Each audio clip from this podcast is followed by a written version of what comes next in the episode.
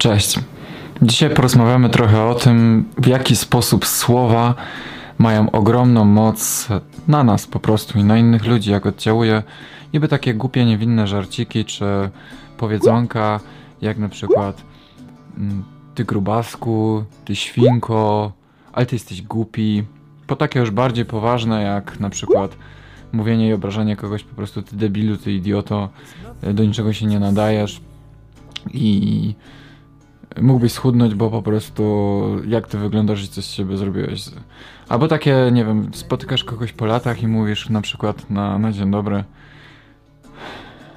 albo przy rodzinnym stole, że chyba ci się troszkę e, przybrało, bo ostatni raz e, wyglądałeś trochę szczuplej czy coś w tym stylu. Słowa, które wypowiadamy do innych osób mają olbrzymią moc. Największą moc mają e, te słowa wypowiadane naszym dzieciom, nie tylko naszym, bo jakimkolwiek innym. Słowo, które wypowiadamy do dziecka, powiedzmy waży 500 ton, a to samo słowo może ważyć kilogram albo i nawet mniej, albo nic u osoby dorosłej, w zależności od tego, jak ma wykształcone poczucie własnej wartości, ale jedno jest pewne: słowa, które wypowiadamy dzieciom, ważą najwięcej. Dlatego też takie niewinne mówienie dzieciom, ty grubasku, ale ty jesteś pulchniutki, czy dziewczynką, czy chłopakom, dogadywanie, do, ale z ciebie skóra i kości, czy w drugą stronę, że jesteś chudy, dogryzanie na temat wyglądu. Ludzie nie mają pojęcia, jak bardzo to się może przyczynić potem do rozwoju na przykład zaburzeń odżywiania u takiego dziecka potem w wieku nastoletnim.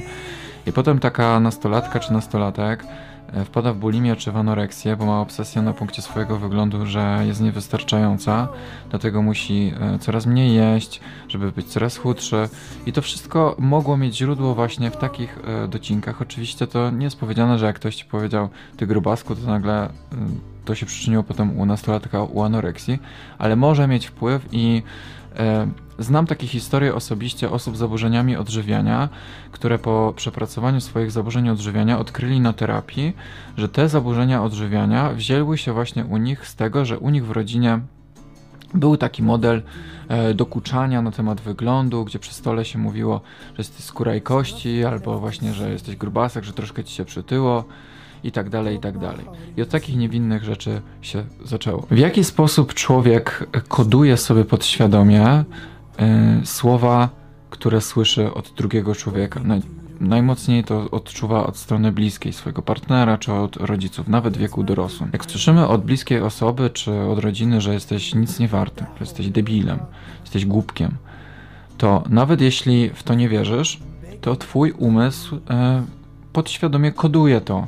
Im częściej to słyszysz, że jesteś debilem, że nie jesteś nic nie warty, że jesteś idiotem, to potem podświadomie kodujesz sobie tą informację, że faktycznie możesz być tym idiotą. I no, nawet jeśli wcześniej w to nie wierzyłeś, że jesteś tym idiotą, to może się zdarzyć, że im dłużej przebywasz e, z takimi osobami, które cię dewaluują, czyli dewaluacja to jest inaczej mówią, obniżają twoją wartość poprzez obrażanie cię, to podświadomie, podświadomość zaczyna być świadomością.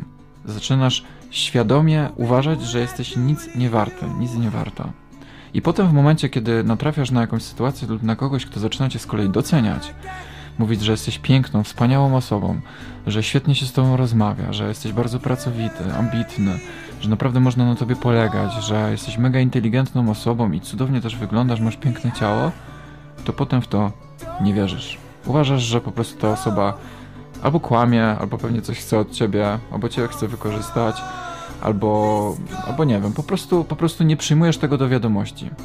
A to jest coś, co powinno być najbardziej naturalne na świecie, że uważasz siebie za osobę wartościową, piękną osobę, która lubi swoje ciało, która akceptuje to, że wie, że jest pracowita, ambitna, że zasługuje na same e, dobre mm, rzeczy w życiu, a w momencie, kiedy przez e, powiedzmy większy okres życia, czy przez jakiś długi okres życia miałeś kodowane ze strony innych e, coś zupełnie przeciwnego, to teraz jest ci ciężko odwrócić tą szalę.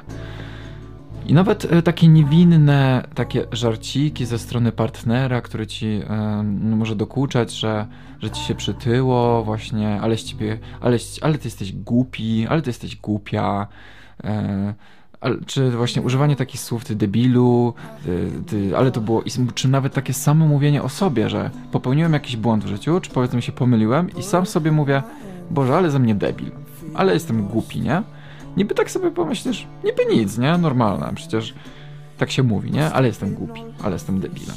Ale podświadomie kodujesz tę informację, jestem debilem. I podświadomość tego nie odbiera na zasadzie, a to tylko żart, tylko podświadomość to odbiera na zasadzie, jestem debilem po prostu. Dlatego to, do czego chciałbym Was zachęcić tym filmem, to do takiej refleksji nad tym, jakie słowa wypowiadamy w stosunku do samego siebie, szczególności do innych, szczególności do dzieci też, żeby nawet w formie żartów nie używać takich określeń, które mają na celu przede wszystkim ocenić kogoś wygląd, ale też e, tą osobę, nazywając kogoś debilem, idiotą. Nie używajcie takich słów nawet w żartach w stosunku do samego siebie, ponieważ kodujecie w ten sposób swoją podświadomość, która zamienia się potem czymś, w co wasz system wartości, którym myślicie o sobie samym. Nawet możecie tego nie być świadomi, że nagle nie czujecie się wartościowi. Więc zachęcam was do mówienia miło do siebie. Zupełnie nie wiem, dlaczego to jest takie dla wielu ludzi nienaturalne mówić o sobie w miły sposób. E, Często ludzie odbierają to jakiś objaw narcyzmu, a to nie jest objaw narcyzmu, że mówimy do siebie miłe rzeczy, to jest objaw miłości własnej.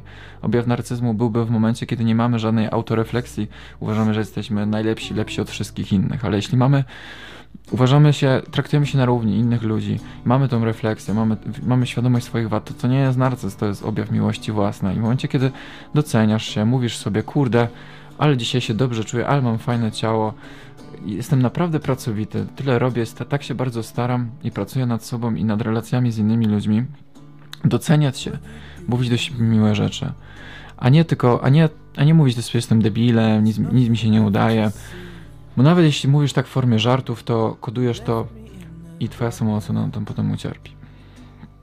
Więc zachęcam was do bycia po prostu bardziej życzliwymi ludźmi w stosunku do siebie i do innych i nie dewaluowania nawet w formie żartów nikogo, w szczególności siebie.